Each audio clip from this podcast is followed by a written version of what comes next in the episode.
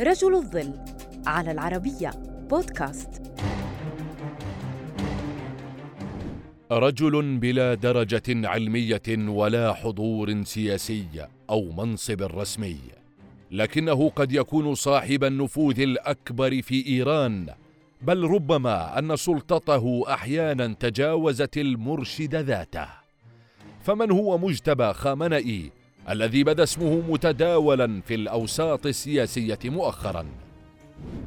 مجتبى خامنئي هو الابن الثاني للمرشد الإيراني علي خامنئي ورغم أنه مقل في الظهور إلا أنه الأكثر حضورا بين أبناء المرشد.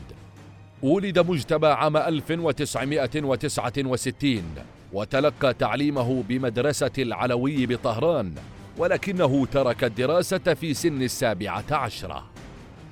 خلال فترة رئاسة والده لإيران في ثمانينيات القرن الماضي وعندما اندلعت الحرب العراقية الإيرانية حمل السلاح ليقاتل دفاعا عن بلاده في صفوف كتيبة حبيب بن مظاهر التي يقودها حتى الآن.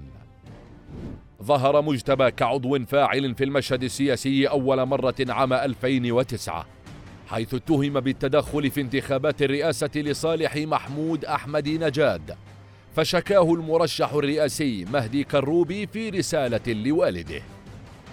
كما اتهم بقمع الاحتجاجات التي رافقت تلك المرحلة وقتل فيها 36 شخصا على الأقل. قدم مجتبى نفسه كمنقذ وحارس لوالده إضافة لإشرافه على أعماله التجارية. لكن دوره قد يكون أكبر من ذلك بكثير. حيث وصف برجل الظل للمرشد في إيران.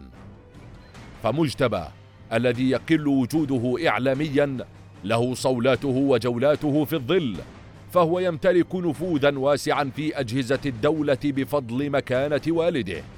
فيجتمع بالمسؤولين المحليين والدوليين ويتخذ القرارات ويعين رجالات الأمن وهناك شواهد عديدة على تدخلاته. فبحسب شهادة المفتشة السابقة بالإذاعة والتلفزيون شهرزاد مير قولي خان فإن مجتبى يتدخل بالسياسة وتشكيل استخبارات الحرس الثوري الإيراني وله سلطة على فيلق القدس. الرئيس السابق للإذاعة والتلفزيون عبد العلي علي عسكري كشف أيضا أن مجتبى اجتمع بنواب والده لترتيب التغطية الإعلامية لحادثة مقتل قائد فيلق القدس قاسم سليماني وإجراءات التأبين فيما كان المرشد نائما. ورغم أنه ليس مسؤولا أمنيا فإنه الشخصية التي هتف ضدها المحتجون على قتل شرطة الأخلاق لمهسى أميني كشهادة منهم على دوره في المؤسسة الأمنية. مسؤولون أمريكيون وإيرانيون أكدوا أن نفوذ خامنئي الابن شمل العمليات العسكرية والاستخباراتية الدولية وقوات البسيج كما امتدت يده للحوزة الدينية في إيران حيث منحته المؤسسة الدينية رتبة آية الله وهي المكانة العلمية التي تؤهله لمركز المرشد. وفيما جرى من تداول أنباء عن تدهور الحالة الصحية لخامنئ الأب البالغ من العمر 83 عاماً تتزايد المخاوف في أوساط المعارضة الإيرانية من تنامي نفوذ مجتبى